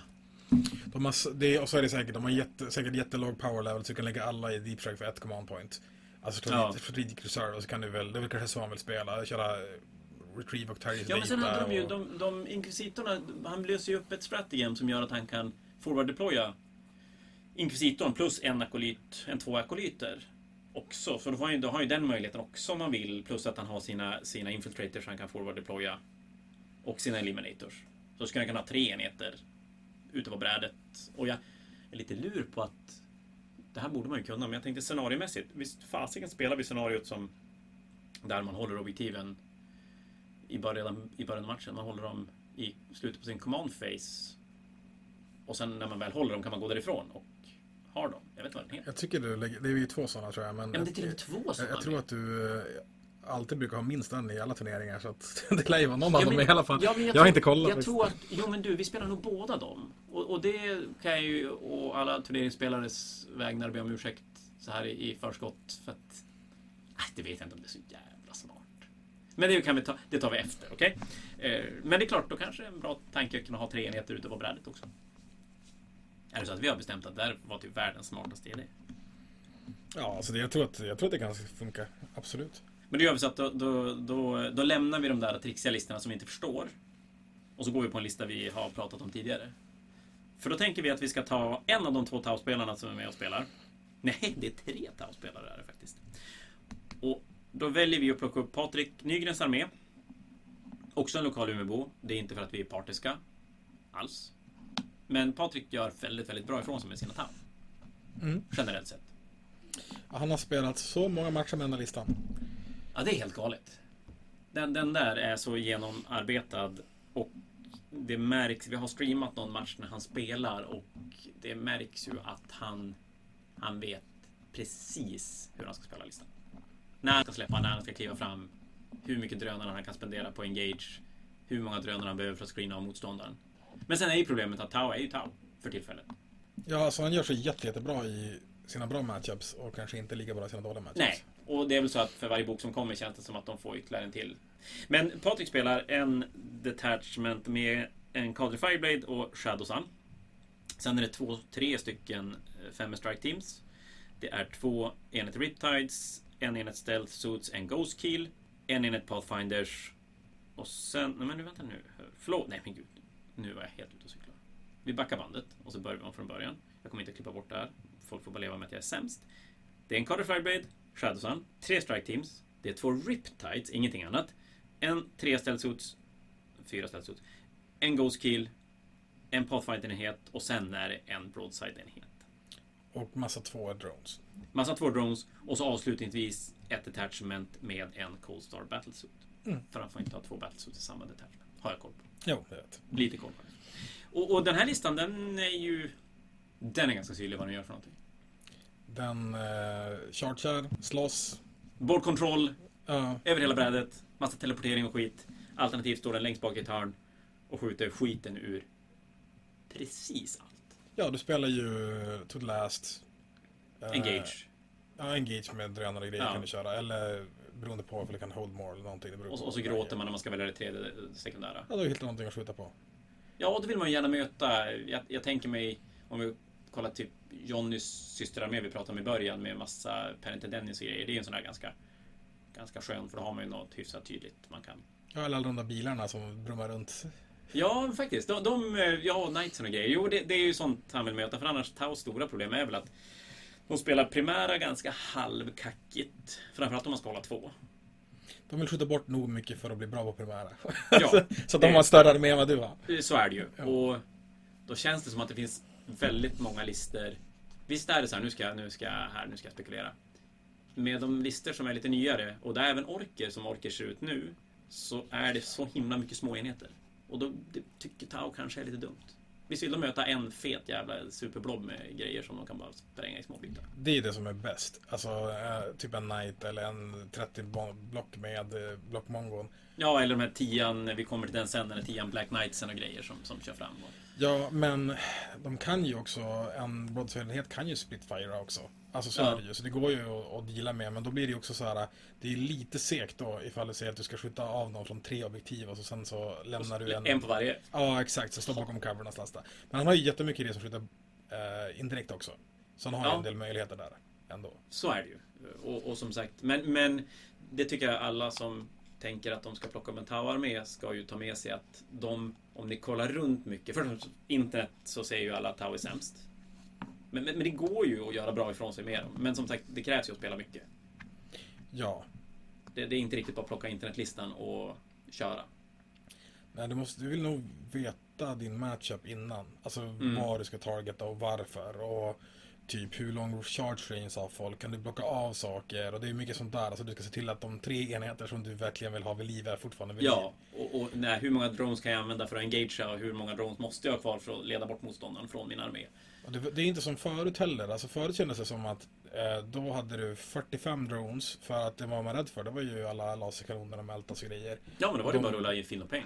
Ja, då laddade du över dem. ja. Alltså så. Men nu är det ju mer typ att folk kommer att charge och ta bort Overwatch och ställa sig och försöka tåa grejer. Och Mm. Du kan ju fallback och skjuta ett par gånger men du hamnar i sådana lägen där du kanske inte kan skjuta på det du vill. Och, alltså du, du, det är som ett annat slags spel nu än det var tidigare. Ja, det är ju inget Tau-spel. Det är inte lika mycket Får man tauspel. väl säga. Nej, det, det, är det är väl... Ja, men det måste, ju, det måste ju vara en av de böcker som lider mest just för tillfället. De är inte Kulten. Kulten lider mest.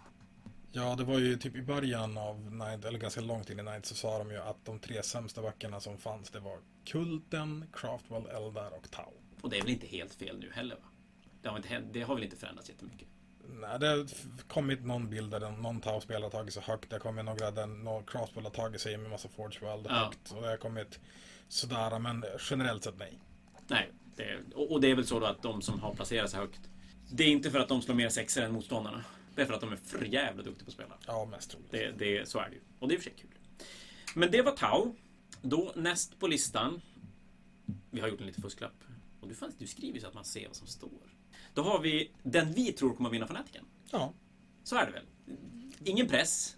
men det känns som en solklar favorittippad i alla fall. Så är det ju. Ja, verkligen. Det lite grann känns det ju som att han spelar en liten annan division. I, Det, jag känner bara så här, det, det är en viss skillnad på eh, Åke Svensson som spelar mot sina kompisar hemma i vardagsrummet och någon som reser världen över för att bli världens bästa Admec-spelare. Ja, faktiskt. Och då är det Rickard Nilsson vi pratar om. Han har ju varit med på, på podden tidigare och snackat Admec när Admec-boken kom. Och, och sa väl just det att han hade bestämt att han skulle bli bäst på att spela Admec. Och sen nötte han Admec. Och så fick de en ny bok. Och den nya boken har ju gjort det kanske lite lättare att inte bara bli bäst Admec utan faktiskt bli bäst på 40K. Just för tillfället. Ja, han har ju varit, placerat sig jättehögt på superstora turneringar. Ja, Internationellt. Och det, vi har mycket duktiga spelare eh, lokalt och det kommer andra duktiga spelare men den stora skillnaden här blir ju att jag har svårt att tro att man har spelat så mycket att man kommer åka på någon sån här gacho-grejer. S- Som vi faktiskt är. Om eh, vi, vi, vi tar BB igen. Vi gillar BB jättemycket. Men där kan det ju lätt bli någon gacho-grej om man möter en armé som man inte har mött tidigare. Tänker jag Ja, så kan det bli. när man inte har spelat, spelat lika mycket. Men är skitduktig på att spela så att så länge, så länge Bebbe då får möta saker han har koll på vad motståndaren kan göra. Då har han alla möjligheter att göra sjukt, sjukt bra ifrån sig. Ja, och en till grej som jag tycker är jätteviktigt med att spela många matcher, det är att din, din interna matte blir bättre. Du vet Mm. ju hur många skott du behöver för att döda en Raider, en Knight eller en Witch eller en vad det än är. Du har ju mycket bättre känsla för hur mycket resurser du behöver lägga ner på att göra olika saker och inte över... Nej, och, och, ja men precis. Och då blir det ju både det att du, du slipper lämna en modell på ett objektiv. Du slipper lämna en akolyt på ett bakobjektiv och ge fem poäng till motståndaren. Du slipper skjuta alldeles för mycket på en enhet. Och du slipper ta en massa jävla tid för att tänka. Ja, och du vet vilka secondary som är bra i vilka matchups och hur du ska positionera dig i förhållande till motståndaren och sådär. Det är ju mycket sådana saker som ge- ger det. Alltså erfarenhet och så sen om du får på många sådana turneringar så möter du ju fantastiskt duktiga spelare hela tiden. Och det är ju så man lär sig att bli bättre. Utan tvekan är det ju så. Och de turneringarna också är det ju... Börjar man, spe, ja, börjar man spela högt upp på sådana turneringar också, då möter man ju inga knaslister som spelar med gubbarna för att det var det man hade stående på hemma, hemma på hyllan eller för att en Swarmlord är det coolaste modell man vet och bara vill ha med den hela tiden. Utan då är det ju bra grejer. Så, men i alla fall, vi ska gå igenom den listan och här bestämde vi ganska snabbt att vi ska inte gå in i alla så här specialstrategems och reliker och skit för det är så jävligt mycket i en sån här lista. Men Rickard spelar ett detachment i Forge World Lucius med en Marshall, och två stycken Manipulus och sen är det här alltså det är sjukt mycket gubbar man får med. Det är alltså tre, fyra stycken 20 Skitari Rangers och två stycken 20 Skitari Vanguards. Sen är det en sjua Infiltrators och en femma Infiltrators. Det är två stycken treor Raiders och sen är det tre stycken Scorpius Disintegrators. fordonen det är som indirekt skyttefordon. Mm. Så det är lite sämre varianter av dina Night Spinners. Lite Eller, eller kanske. lite tvärtom. Ja, ja. Eh, och, och så sen Cerberus Raiders, de har ju som hängt med sen de kom. Och de är ju vårdkontrollgubbar, så det bara sjunger om det. Pre-game move och blocka Ja. och grejer. Ja. Men sen det vi pratade om här innan, det var att för att du är ju, kan ju det här spelet och, och kikar rätt mycket internet och grejer. Jag eh, kan ju inte det här spelet, jag kikar bara internet och lyssnar på dig. Men visst hade Admec-listorna svungit lite grann från att vara just den här typen av så här blob-listor till att bli ganska mycket MSU? Det, det är lite grann vad man har sett på slutet i alla fall. Mm. Många har kört åt det hållet. Och även blob-listorna som var innan var ju mindre blobbiga än den här. Ja, för det här är superblobbigt. Ja, det, blob, det är verkligen bla bla bla bla bla. Nej men alltså sex stycken 20, men ja, man förstår ju poängen och varför han kör det. Det är ju inte sådär, alltså ifall en 20 är, är jättebra och du förlorar den 20 då har du ju inte kvar det. Men ifall han förlorar en 20 så Ja, har han bara, kvar. det är fem. Fem kvar, ja, det är då bara att köra på. Och redundancy är ju bra och alla de här obsec kostar lite poäng. Mm.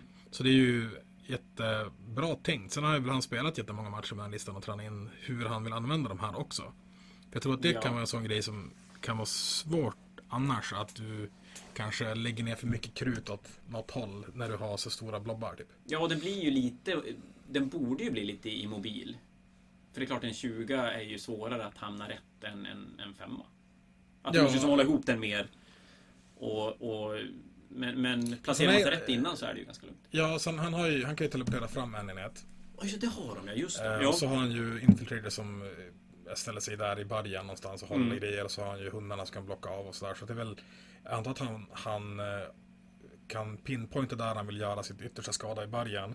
Och sen flyttar han fram nog långt för att han ska ha total domination från mitten typ. ja. Och det är klart, med så mycket kroppar så, så blir det ju svårt att, att ta bort. Ja. Och så sen är det ju det här indirektskyttet som man som folk verkligen inte tycker om. Alltså när du ska, för, du, när du ska försöka möta upp det där och deala med det. Mm. Då vill du kanske inte lämna en stor enhet med en kille på ett bakobjektiv och då kommer ju de här disintegrators och skjuter ner det som är där bak. Det är därför man har två stycken akolyter som kan parkera på ett hemmaobjektiv. Och, och nu dör ju de i och för sig om man skjuter på dem, men, men då måste ju de ändå skjuta på dem. Ja, men då, ja, fast det, det är väl lite problem för honom. Han skjuter en disintegrator på dem så dör de och så sen efter har han 565 000 skott av de andra killarna Faktiskt. att deala med. Men då kan vi säga så här att, att vill ni vinna fanatiken så ta en extra kik på den här listan och ta fan i mig och, och bläddra igenom Admic-boken. Ja, exakt, vårat råd att alla täcker mot Rickard Nilsson. Exakt. så gör Det var lösningen. Vi bara, nu är det dags. Nu har ni redan lämnat in listan i och för sig, men, men eh, det kan ju vara värt att läsa boken. chansen att möta honom med 77 spelare, den är så här lite halvvägs, Li, men lite, lite. Men ska man vinna så är det väl förmodligen så att då, finns det en god chans att då du kommer den på. Ja. Ja. Att, eh, ja, nej, den, den, eh, det blir spännande att se vart, om, om, om, vi, om vi har rätt.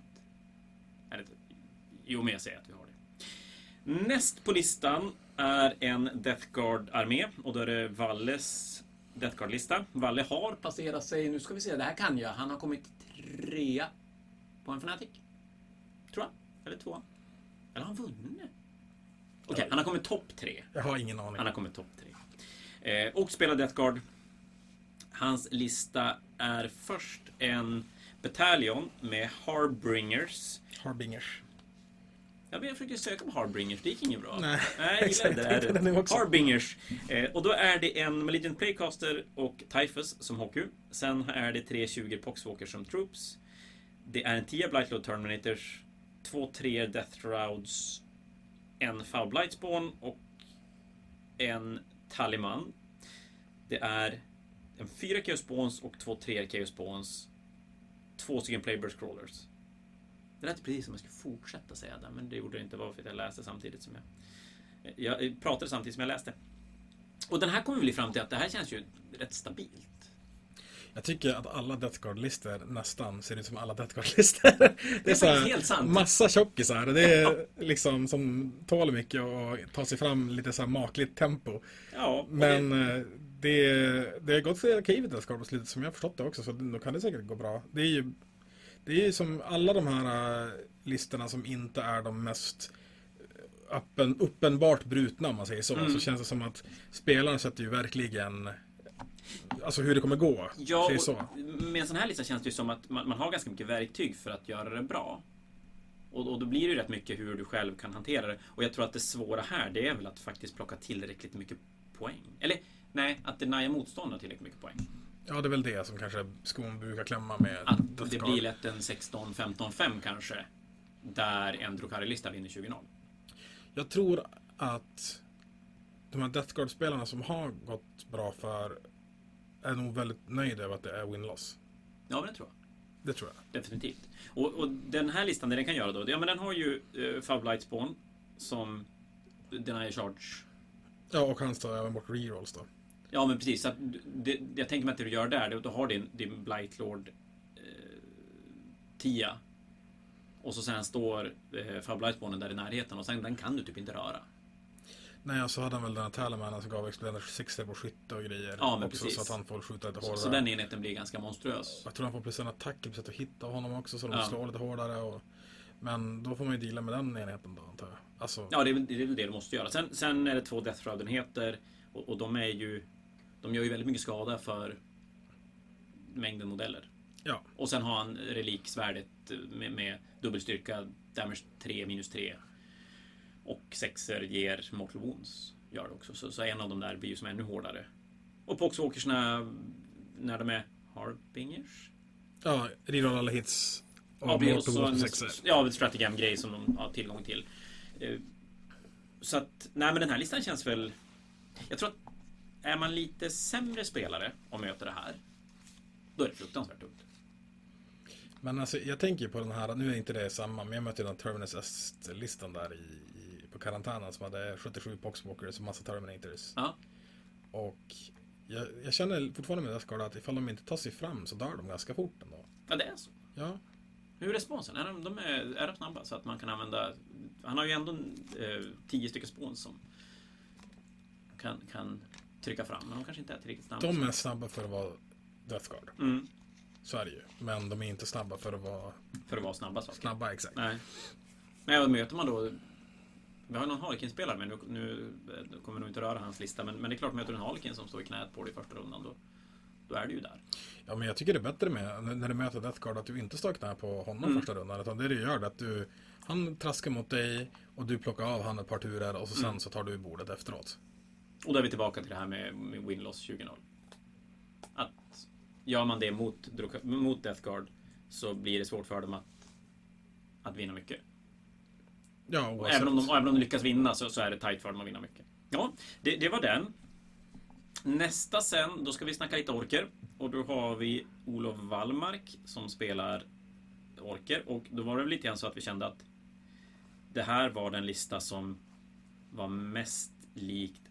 Nu höll jag på att droppa från turneringen, det var ju verkligen inte meningen. Ehm, det, det här var den lista som kanske var mest likt det vi har sett spelas på turneringsscenen med nya orkboken. Ja, det För det finns en orkar med som har en stompa, en gorkanat och en morkanaut. Och det är ju hundra gånger coolare. Djävulskt coolt, alltså denna stompa. Jag tror fan att vi måste ta upp den och bara tvärkika på den sen. Men jag tänkte vi ska dra Olofs armé. Och då spelar han en ren. Eh, Eh, först ett attachment med en Defkilla Wartrike och en 10 Gretchens. Sen är det två femmer Commandos, tre Defcoptas och en femma Stormboys. Och sen är det ett Outrider Detachment, också Blood Access då, med en nya Beast Boss Squigosaur-snubben och en Big Mech i en Mega Armor. Det är en sexa Burner Boys, en till Femma-kommandos så det är tre femma kommandos totalt. Och sen kommer det, det är tre tvåor Megatrack Scrapjets, en trea Squig Buggies och en single Squig Buggy. Och sen är det en nia Warbikers. Är det. Så det här är ju bilar överallt. Massa scrapjets. Ja. Ja. Eh, och det var väl, jag vet inte om alla fordon hade det eller inte, men de har ju fått den här uh, minuset damage på Ramshackle. Så att de Ja. är ju lite tåligare och de får, fick väl cover som blood access på avstånd. ja, men precis. Var Eh, så de är och så är det ju mycket, sjukt mycket ont att tugga sig igenom på lite minuset damage och sådana grejer också. Ja, Så det är ju den uthållig lista som skjuter ganska hårt och har sina tricks och charges och allt vad det är. kommandos som, som får lite pre, pre-game eller advanced deployment Ja. grej. Eh, och den här Beast Boston Squigasaur är ett jävla monster. Ja, Det- så spelar väl sekundära ganska bra, spelar primära ganska bra tänker jag. De är mycket Mm. så du kan, de har stora baser, du kan blocka av mycket och Nej, Ja, det är mycket, det är stor footprint på den. Om du pratar om att du ska ha liten footprint på din armé så är det här fan i mig... ja, väldigt stor. motsatsen. Ja. Så att, nej, men den, den är klart play. Så är det. Mm. Absolut. Däremot tror jag att den är sjukt svårspelad. Det känns som att det, du ska placera Ja, jag tänker också bilar det. rätt och, och screena rätt och, och sådär. Du ska försöka bromma runt hus med det som behöver bromma runt hus. Och du ska... Ja men, ja, men verkligen. Och, och den har väl inte sån här uppenbar jag går in och dödar dig förmåga. Det är ju eh, Warbikesen och eh, bossen på Squig som, som är riktiga monster i. Men annars är det Även om så här Megatraxen går in och gör Mortal Wounds och grejer men Det känns som att du, du hela tiden tradar. Alltså att du går in och dör. Men här har vi ju en till grej. De har ju också massa indirekt skytte. Ja Som faktiskt. vi Det är fyra Prata bil. om. Jag tror de är lite kortare range dock. De har 18 Ja. med, med ena pickan och andra har lite längre tror jag. Men, eh, och det är ju en sån här grej som jag hade siat ganska länge sedan att det ska bli en grej nu med terrängregler och allting. Ja. Så jag tror att det faktiskt inte är så himla dumt. Jag, jag, var inne, jag var inne på att GW skulle plocka bort ur böcker.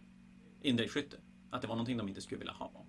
Men eh, det verkar vi ha fel i. Nej, men folk är så sjukt snabba ändå så de tar sig ändå fram. Alltså det är ju inte så att det blir helt galet som eh, att alla springer sina sex tum och din indirekt skytte får annihilera motståndaren. Så hårt skjuter folk ju inte. Nej, Men eh, så vet jag inte om jag kanske lutar mig lite för, för djupt i det där indirektskyttet eller inte. Vi får se. det är väl fördelen med att spela en gammal bok i det också att man har mer indirekt skytte kanske än vad, man, vad, vad de nya böckerna har. För ofta så är det väl en enhet som, som skjuter indirekt i de nya Ja, böckerna. ofta. Och det, och det är väl ganska lagom. Mer än så tycker jag inte de ska stoppa in. Men som sagt, den här känns lite, lite intressant. Jag måste faktiskt se om jag hittar den andra orklistan. För jag, jag tycker att den var för jävla cool. Jag ska ta och skr- scrolla igenom. Var det den där Det kanske? var Johan Broman va? Det var det. Ja, han spelar då en Gorkanaut, en Morkanaut med Custom Forcefield, en Stompa. Och sen är det en Beast Boston Squigasaur, en Tia Gretchens. Det är en 13-enhet med kommandos. En Meganob-enhet med, vad är det, tre Meganob ska jag tro. En femma Stormboys, ja två femma Stormboys. Ja, men det här tycker jag, det här är coolt. Ja. Alltså. Måste jag ju säga. eh, Baiten är det att skjuta på stompan då med 40 wounds. Ja, det måste ju vara det. Alltså förstå Stompan när börjar skjuta tillbaka. Fan. Problemet där med, med nya terräng, med terrängen, vart ska den, hur ska den ta sig fram?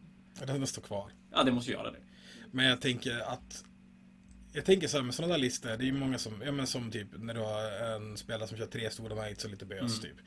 När du har skjutit bort det som inte då är en Gorkanaut, en Morkanaut och en Stompa. Då är det inte så mycket kvar som kan ta poäng eller göra någonting. Och det är tungt. Ja, det, det där känns mer coolt än kanske bra. Jag tror också Får det. man väl ärligt säga. Men jävligt coolt. Ja, men du, vi ska rulla vidare och då ser jag att vi har redan tagit en lista som stod nog för att, nu för att jag pratade fel. Då ska vi kolla på... Vad ska vi kolla på? Vi ska kolla på Kristoffer Gustafsson. Var inte det Orker också? Nej, det där är din armé. Det var min armé! Och jag kan ju inte alfabetet så jag hittar ju inte K i den här förbannade listan. Där! I Kristoffer spelar Tyrannider. Och det är ju inte det hetaste, även om de har gått och vunnit lite turneringar. Eh, Än. Men vi, vi ska ändå kika på den, för det känns ändå som att det är en tyrannilista som ändå har möjlighet att plocka lite poäng. Faktiskt. Ja, och det är någonting som du eh, Jag gillar ka- den. ka- kan väl Jag kan, så nu ska jag hjärtat. Lite, lite proffsig. Eh, Kristoffer spelar en Kraken Detachment med en Broodlord, en Hive Tyrant till fots med eh, Sighting Talons, en Swarmlord. Sen är det tre stycken 15-enheter med Gene Stealers, en 12 Termaganter, två Lictors och allt det är då i Kraken. Och sen kommer det en Kronos Patrol med en Neuthrop med Psychic Power som ger dig exploderande femmer på skytte. En 30-enhet Termaganter med Devourers. Devourers sjönk ju poäng av det grövsta nyligt. En sexa Hiveguards med indirekt skytte. Nej, det behöver man inte, det behöver man inte ens säga. Nej, men Nej. Du är inne på det spåret nu så. Jag, jag, vi, vi tar den. med det. Eh, Och sen Exokrin med 5 Invo Save eh, på den. Och då Hype Tyranten hade en Adaptive Physiology som, som ger den plus ett i styrka och plus ett i damage. Tror jag. Det är någonting sånt. Ehm, och den här listan är ju den, den är väldigt tydlig vad den gör för någonting. Du har två Littors som, som spelar ju ja, men det jag skulle nästan vilja sticka ut hakan och säga att det är en av de bästa enheterna på spelobjektivet, eh, objektivspel i 40K just för tillfället. På att sätta upp flaggor och Ja, sätta upp rodda. flaggor, och... engage eller rodda. 37 poäng, 40 mm bas. Som, ja, du kan ju typ inte screena bort den. Det är ju, det är ju skitsvårt att göra. Ja, de är jättebra. Eh, Så det är två sådana som, som spelar objektivet och sen är det tre enheter Gene Steelers där Swarmlorden kommer kunna skjuta fram en i rundan om, om man vill. Jag glömde Broodlord. Jag tror jag hoppade över Broodlord. Gjorde jag det? Nej, det gjorde jag nog inte. Eh, Broodlorden är ju bara bra. Så är det ju. Och så ger buffaren Gene Det, den buffar Gene Steelers om, om man lyckas spela, spela rätt. Och så sen har du Hive Guardians indirekt skytte är ju jättehårt. Det är ju det hårdaste indirekt skyttet vi har i 40K, tror jag. Och så sen Kronosen har ju, Exokrinen har ju blivit rätt intressant med ett 5 save. Eh, problemet är ju att saker och ting har ju blivit mycket hårdare. Ja, det, jag tycker det känns, det där är, det är, inte, det är en bra lista. Alltså om man ska se vad tyranniderna nu kan åstadkomma så är det en bra lista. Det enda som jag känner är lite problemet är att de eh, har så svårt att byta upp sig i poäng. Alltså vi säger typ en, en 15 genstealer-enhet är så här, det är typ inte garanterat att döda en femma marines alla gånger. Nej, nej, alltså nej, ifall du inte har... Och de måste buffa det med Broodlorden. Och det är ju så här, du är inte garanterad att döda en femma Space Marines. Även om du förmodligen gör det. Men oftast har du ju då antingen en, en buffande Broodlord i närheten. Eller att du använder en Swarmlord för att skjuta fram dig för att ta det på rätt plats. Och det är 240 poäng Swarmlord som står bakom ett hus och typ skjutsar fram Gene Stealers. Då tänker jag typ att din tanke måste ju då vara att du skjutsar fram den där till en femma. Infiltrators eller vad du har som står på ett objektiv. Du dödar några stycken av dem och så sen efter det tar du knappen av dem för du har fler kroppar. Det är en sån grej. Men Ja. det där är ju en grej som kanske inte räcker i längden då. Alltså att du vet rundan efter så dör de ju oavsett. Ja, och, och jag vill säga, jag tycker väl kanske att då är det bättre att sänka poängen en 20 Gene Och sen lägga resten av poängen på annat istället. Och så har du en 20 som du skjuter fram och, och sikta in det på det så här. Det här måste jag döda från motståndaren. Och så skjuter du fram en 20 Gene För, för kommer de fram relativt oskadda eller kanske bara fått en Overwatch på sig. Då gör de ju ganska ont faktiskt. Och så sen resten av poängen. För jag saknar ju kanske Ripper Swarms i den här listan till exempel. För de också spelar ju objektivspelet jävligt bra. 30 termaganter med Devourers skjuter ju väldigt, väldigt mycket men de blir väldigt svåra att få fram. Och, och hitta något mål att skjuta på känner jag.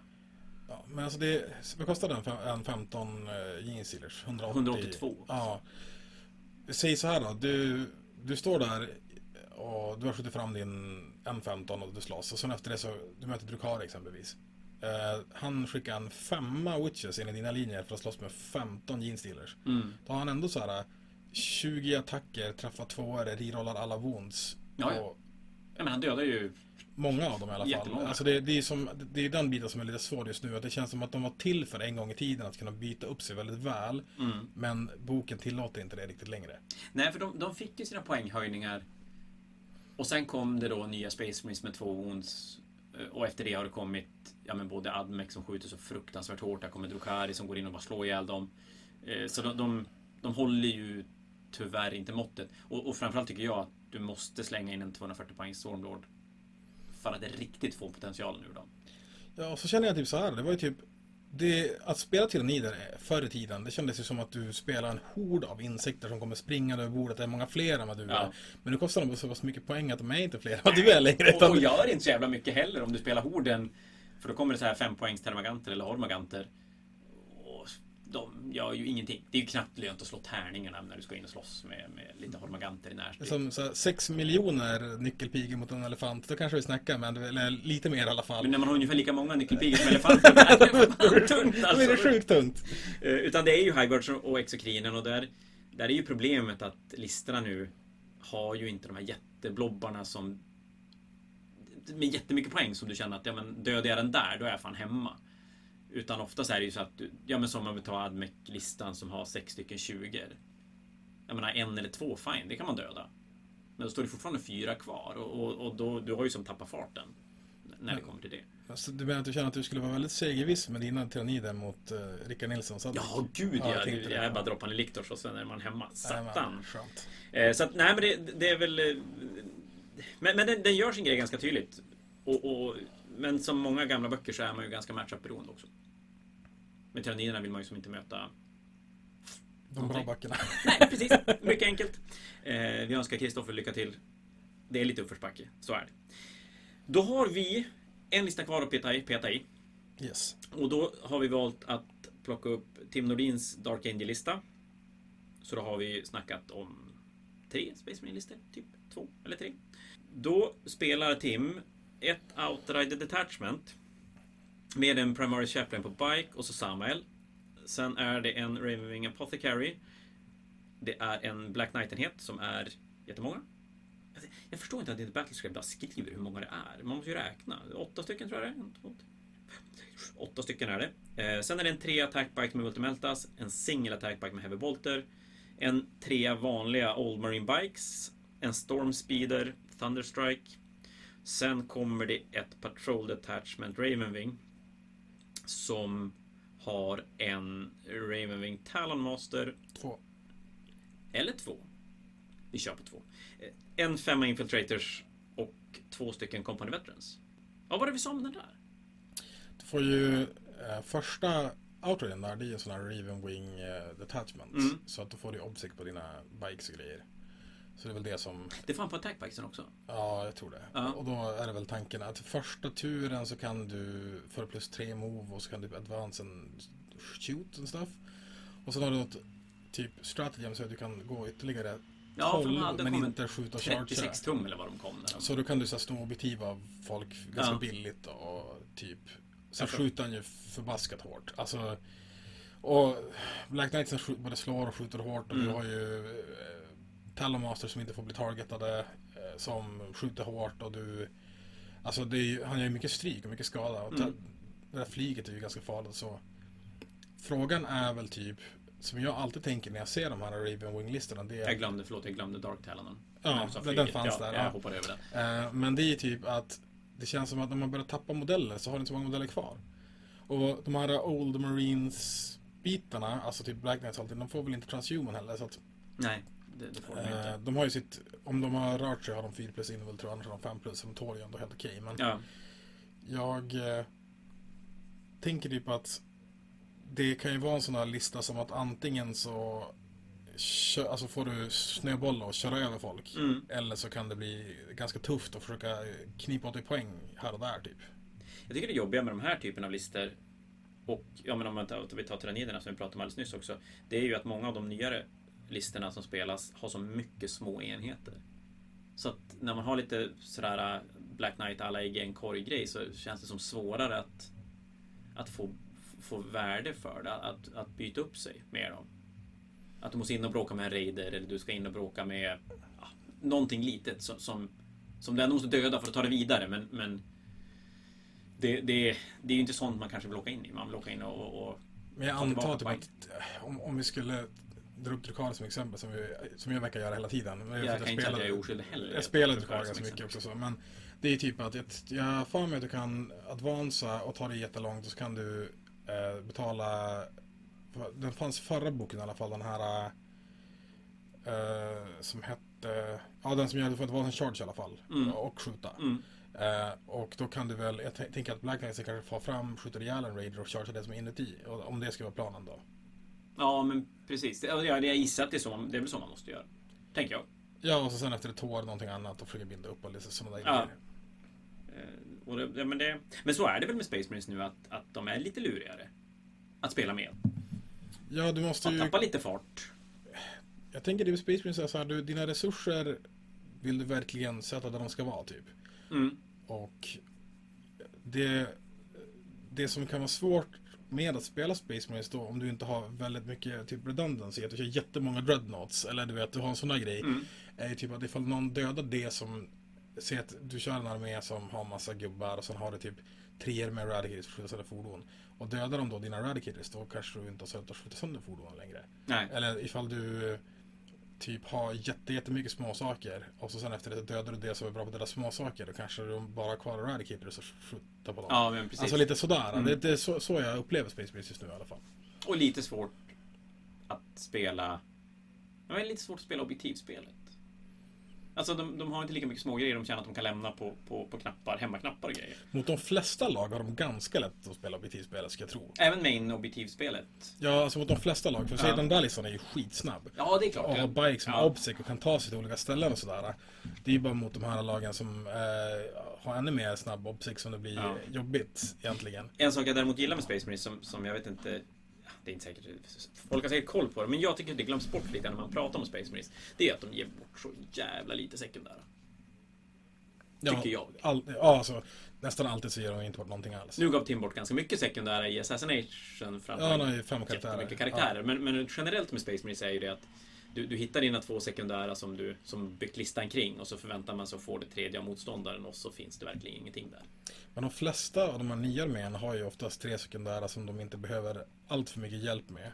Mm. Alltså av motståndaren. Det är ju de här gamla arméerna som Alltså inte har Som typ egna... när man, spelar, när man spelar Craftful Eldar kanske? Eller Tyrannider för den delen. Ja, vi tar också. Ja, men då är det ju oftast där, sista eh, objektiv, eh, sista du tar är ju antingen döda någonting eller magia.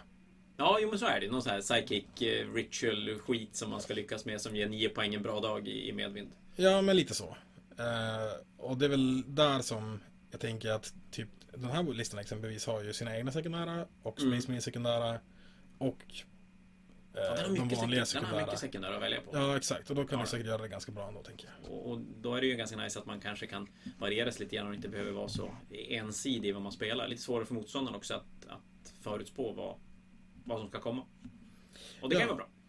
Ja, exakt. Jag tänker du, har du mött en jätteseg lista, du kanske kan köra din typ Oath, Stubborn Defiance och flaggor. Och så sen Ja. efter det så eh, är det jättelätt för dig att ta de poängen då. Och så sen tar du en massa bikes och movblockar mellan terräng så han inte kan ta sig förbi med fordon och liksom göra sånt spel. Ja, och så precis. nästa gång så kör du engage för att du är jättesnabb och så Mm. sen typ några andra sekundära som passar dig bättre i det läget. Mm. Typ eh, du möter fordon och du har massa multimeltas du kan skjuta med. Ja, ja men faktiskt. Och, och, och det är lite spännande. Ja men du, Micke, då har vi bränt av en, en tredjedel av listorna i turneringen. Nej, Nej. men typ en femtedel kanske. Ja, närmare det i alla fall. Ett par stycken. Vi har Ja, tagit, ungefär en femtedel. vi har tagit alla som, som vi förväntar oss ska vinna helt enkelt. Och så sen kommer alla de här äh, sist. och, så, och så ber vi om ursäkt till alla vi inte har tagit upp. Nej men vi kände väl det att det var inte lönt att, att, att traggla tusen listor. Eh, utan snacka lite grann om de vi känner att vi kan komma med lite vettiga tankar kring. Istället för att sitta och killgissa. Ja, det är väl så helt enkelt. Ja, och vi har... Hur många har vi tagit upp? Ja, det blir ganska många nu med våra små grupper här och sådär. Men vi tänker ju att av de vi har tagit upp så kanske det är ganska många som är topp 10. Ja, men det tror jag nog. Jag, jag, jag tänker mig att vi har pratat om en, en fem, sex stycken som jag förväntar mig definitivt ska vara topp 10. Ja. Eh, Ja, ja. Och så sen... Alltså mig då. Ja, och så det, ja, precis. Eh, Och så sen har vi lite där, jag tänker mig att till exempel Patriks Tau eh, blir ju väldigt avgörande lite grann vilka matcher han får. Just där det finns några så här riktigt, riktigt dåliga matchups. Men, men får han okej matchups då tror jag definitivt han kan vara och, och plocka en topp 10-plats till exempel. Men, men det vore roligt med lite spridning. Av, Ja. li- Listmässigt alltså. Tycker det är kul att kolla på listorna så här i förhållande när man spelar också. För då blir det som... När du får en sån här genomgång, eller för den delen kolla igenom själv då. Så tänker man ju alltid från sitt eget perspektiv. Vad kommer jag ha svårt, svårt mot? Hur ska jag spela mot det här? Och, liksom, och det, det tycker jag, det uppskattar jag verkligen. Det enda som är svårt nu, det är när det är så sjukt många listor och typ olika ordrar för sisters och olika kulter och allt Ja, vad det är. det Det, är- det är svårräknat, det är det ju. Jag skulle säga det, det viktiga folk gör när man kommer till här turnering det är ju absolut ha kollat listorna lite grann. Det är väl ganska bra att veta om, om det är mycket om någonting som, som man bör ha koll på. Men annars är det ju att ha stenkoll på sin egen armé. Alltså inte behöva typbläddra i boken en gång för att kolla strategems. Du ska fan ha koll på alla strategems som du har, har tillgång till själv. Ha stenkoll på scenarierna. Så att du inte ska få någon överraskning. Du ska ha koll på de sekundära specifika scenarierna. Eh, välj ut två sekundära som du, som du ska ta själv. Oberoende av vad som står på andra sidan. Och, men ändå vara rätt tydlig med vilket tredje du ska välja beroende på vad som står på andra sidan. Ställ dig inte och fundera i en kvart när du ska välja ditt, andra, ditt sista sekundära.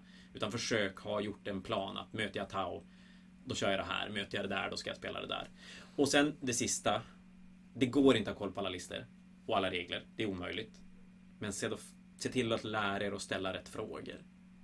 Ja, Tycker jag. det är Det viktigt. är jävla viktigt. För, för att det går inte bara att ställa så här.